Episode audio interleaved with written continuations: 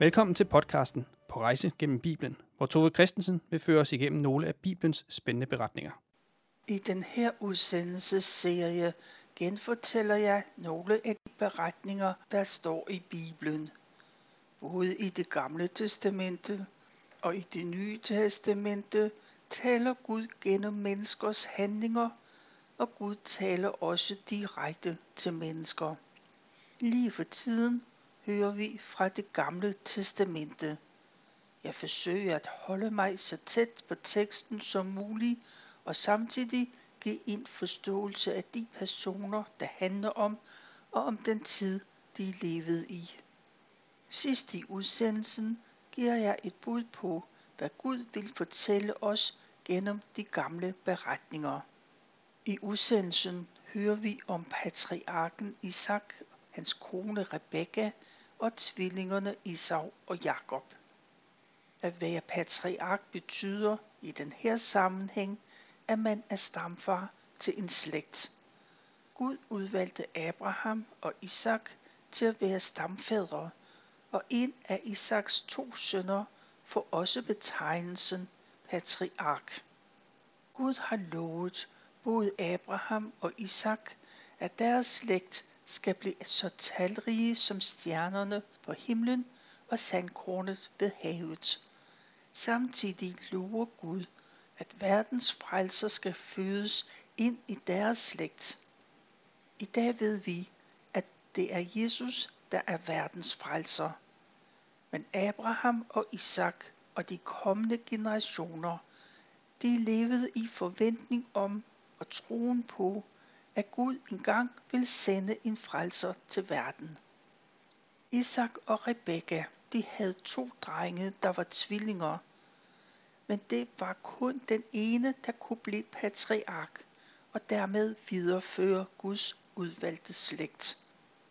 Ved fødslen, der havde den ældste tvilling kraftigt hår. Han var lodden over hele kroppen. Derfor blev han kaldt for Isau. Den yngste kom lige efter og holdt sin hånd om den ældstes hæl. Forældrene kaldte ham Jakob, der betyder hold om hæl. Det var som om Jakob ville skubbe sig frem foran sin bror og snyde sig til førstepladsen, til første fødselsretten. På nogle områder så blev det en dysfunktionel familie, hvor mor og far havde hver deres favoritbarn, og det kom der ikke noget godt ud af.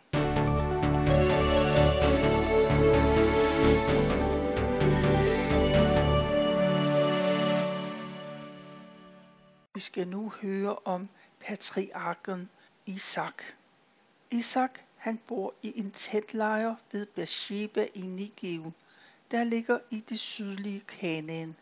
Han bor der sammen med sin kone Rebekka og deres nu voksne tvillinger Esau og Jakob. De er omkring 40 år.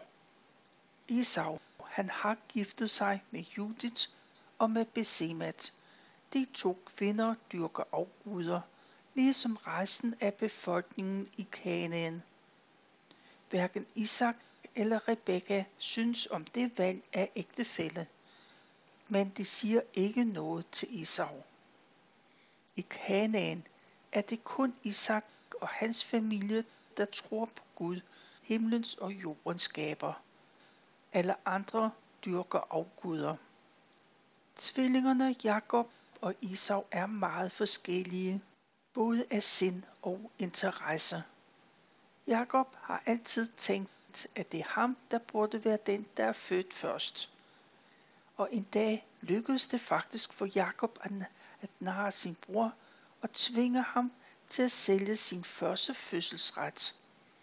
Lige fra den dag så regnede Jakob med, at nu var han den ældste søn. Isak er omkring 100 år. Han er gammel og ser dårlig. Han er nu klar over, at det er på tide at give sin velsignelse videre til sin søn. Han mener bestemt, at det må være Esau som den ældste søn, der skal have den velsignelse. I øvrigt er det også hans yndlingssøn. En dag kalder den gamle far på sin ældste søn, Isau. Isak siger, at nu er han blevet gammel og kan dø når som helst. Isau han skal tage sin bue og pile og gå på jagt. Når han har fået lavet sin fars yndlingsret, og maden er blevet spist, så vil Isak give sin velsignelse til Isau. Den beslutning er åbenbart ikke noget, Isak har talt med Rebekke om, for hun står og lytter til den samtale. Hun husker på, at Gud talte til hende, da hun var gravid med tvillingerne. Der sagde Gud, at det var den yngste, der skulle videreføre slægten. Og nu bliver hun bange for, at Gud har glemt hende, og Jakob ikke vil få det Gud har lovet. Rebekka, hun tager sagen i sin egen hånd. Hun står og ser på, at Esau går med sin bue og pil ud for at skyde det vildt, som han senere skal lave mad af. Så kalder hun på Jakob og fortæller om samtalen og indviger ham i sin plan. Jakob skal slagte to af de bedste gedekid, de har. Så vil hun lave mad præcis sådan, som Isak kan lide at spise den. Når maden er færdig, så skal Jakob gå ind og servere maden for sin far. Men Jakob er skeptisk over for den plan, for hans hud er helt glat. Hvis hans far rører ved ham, så vil han hurtigt opdage, at han ikke er behåret som sin bror, der er helt løgn. Den løgn kan ende med en forbandelse i stedet for en velsignelse. Rebekka, hun slår det hen. Hun vil påtage sig forbandelsen i stedet for Jakob, hvis det skulle ske. Jakob, han skal bare gøre, som der bliver sagt. Så går Jakob og kommer tilbage med gedekædene, som hans mor begynder at tilberede. Rebekka er alligevel kommet i tvivl, for nu tager hun skinnet fra gedekædene og ligger om Jakobs arme og hals. Nu er han lige så lodden som sin bror. Maden er færdig, og Rebekka rækker den lækre mad til Jakob sammen med det nybagte brød. Jakob har stort set ingen forberedelser gjort. Han har ikke været på den vanskelige opgave, det er at gå på jagt med bue og pil. Han har bare hentet et par gedekid, der gik i en indhegning. Han har hverken kogt, stegt eller bagt. Det har hans mor. Og han er jo ikke engang inviteret af sin far. Jakob har allerede snydt sin bror en gang, og nu er han helt klar til at gøre det en gang mere. Han tager den mad, som hans mor rækker ham. Han går ind i Isaks telt for at servere et godt, veltilberedt og duftende måltid. Han siger, værsgo far. Som blinde ofte gør, så spørger Isak, hvem der taler. Jakob siger, at det er Esau, din ældste søn. Maden står foran dig, nu kan du spise før velsignelsen. Isak er betænksom, for hvordan kan han være tilbage så hurtigt? Nu må Jakob lyve og sige, at det var Gud, der har været med ham og sendt et bytte, der løb lige i armene på ham. Isak, han er ikke overbevist, men han rører ved Jakobs arme og siger, at det er Jakobs stemme, men Isaus arme. En sidste gang spørger Isak, om det nu også er Isau. Jo, selvfølgelig, lyver Jakob. Den gamle mand vælger at tro det, han gerne vil tro, og begynder at spise. Da han er mæt, kalder Isak på sin søn. Han vil have et kys på kinden. Og nu kan Isak mærke duften af Isau tøj, og han er overbevist.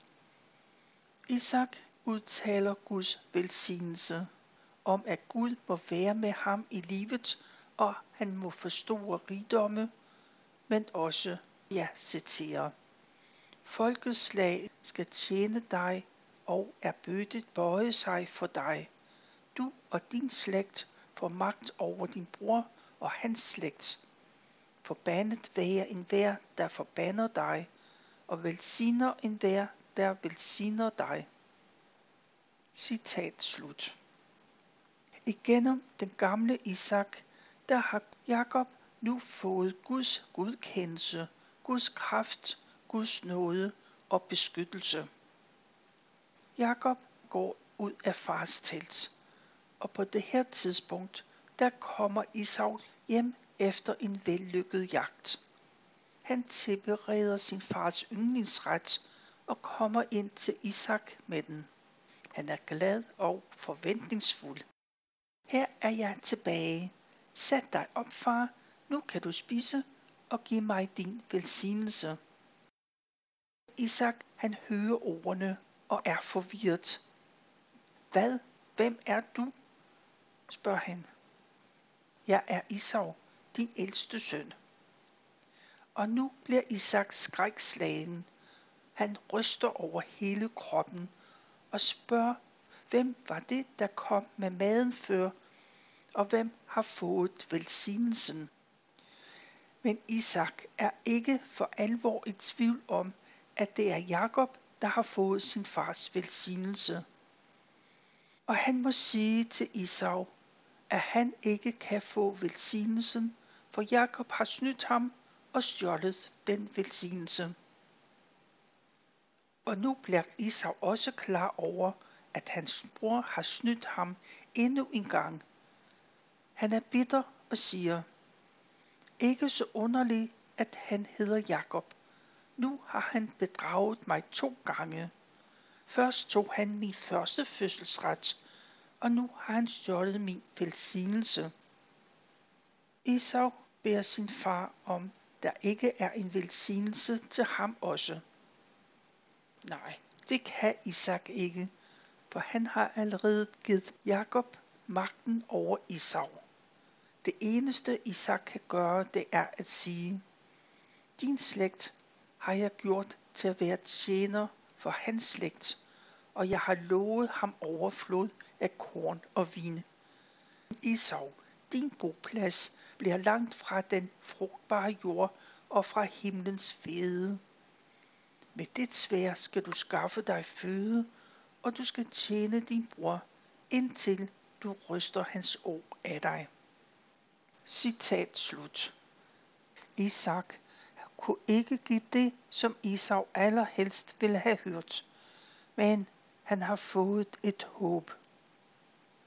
Esau kan ikke for altid blive boende i Kanaan, for efter den her dag er det udelukkende Jakobs slægt, der skal bo i det land, der senere kommer til hed Israel. Det gik ikke, som Isak havde tænkt sig, men han er ikke i tvivl om, at Guds velsignelse er nødvendig, og den vil få betydning både for Jakob og for Isau. Isau går nu ud af sin fars telt.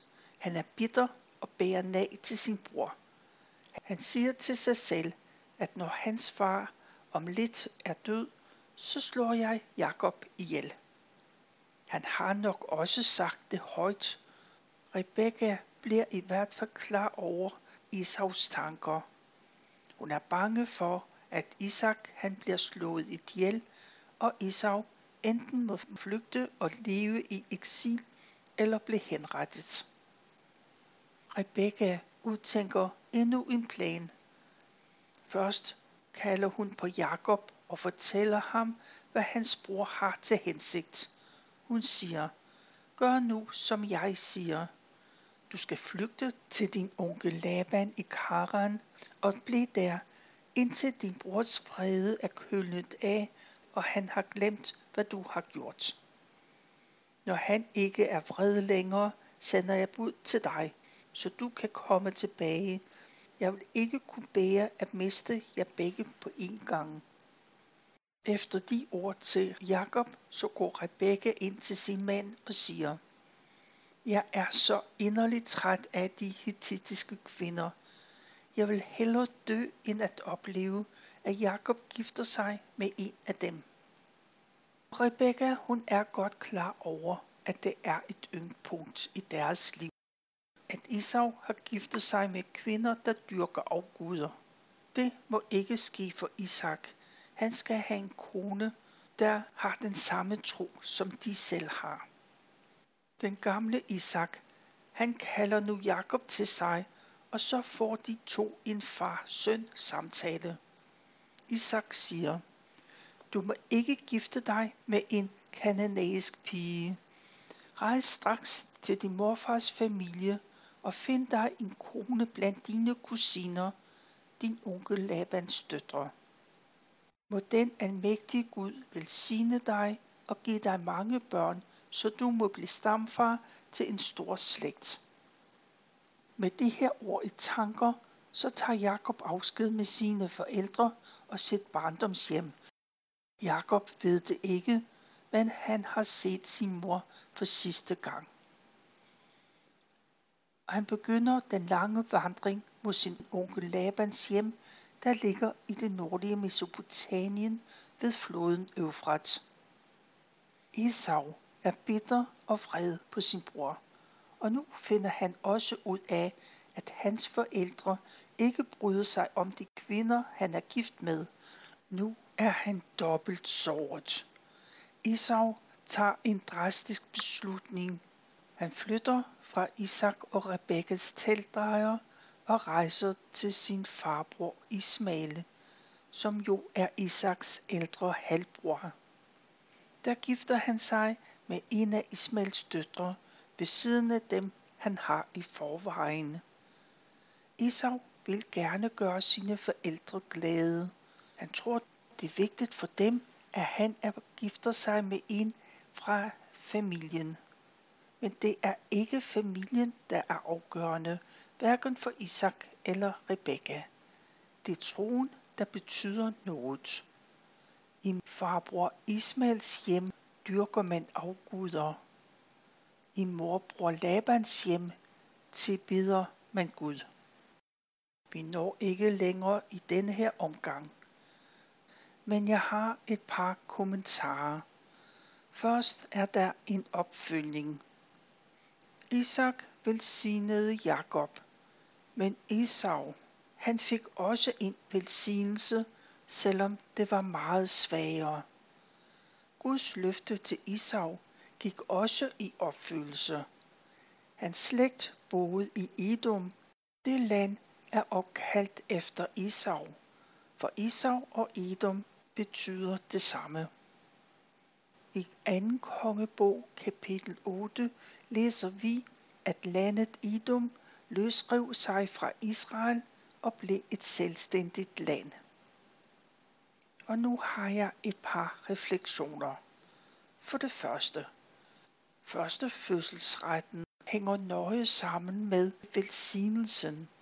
Paulus har en pointe med beretningen om, at Jakob blev født sidst, men han var den udvalgte. Jeg læser fra Romerbrevet kapitel 9. Gud gav et løfte til Rebekka. Hun ventede tvillinger, for Gud sagde til hende, den ældste kommer til at tjene den yngste. Det blev sagt, før Jakob og Isau blev født, så de havde endnu ikke udført hverken gode eller onde bedrifter. Udvælgelsen bygger ikke på vores anstrengelser, men på Gud, som kalder. Citat slut. Så beretningen om Jakob og Esau har også noget at sige til os i dag. For Gud kalder os mennesker til at tilhøre ham. Ingen hverken kan eller skal gøre sig fortjent til Guds nåde og tilgivelse. Men vi må leve i troen på Guds almagt. Det er Guds beslutning, og det afhænger ikke af, hvad vi har gjort eller ikke gjort. For det andet, patriarkerne Abraham, Isak og Jakob fik løfter om, at i verdens frelser engang skal komme. Det løftet levede de i forventning om, at Gud en dag ville opfylde det. I dag tror vi på, at det løfte er Gud i opfyldelse. Det skete, da Jesus døde og opstod igen. Men vi lever også i forventning om, at Jesus Kristus skal komme igen. Paulus skriver sådan til Timotheus. Jeg læser.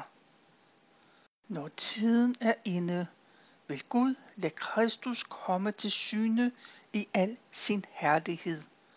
Når Gud den vidunderlige og enestående hersker, konge over alle konger, herre over alle herrer, han som alene er udødelig, han som bor i et lys, ingen kan nærme sig, han som ingen har set eller kan se, ham tilhører æren og magten i evighed. Amen.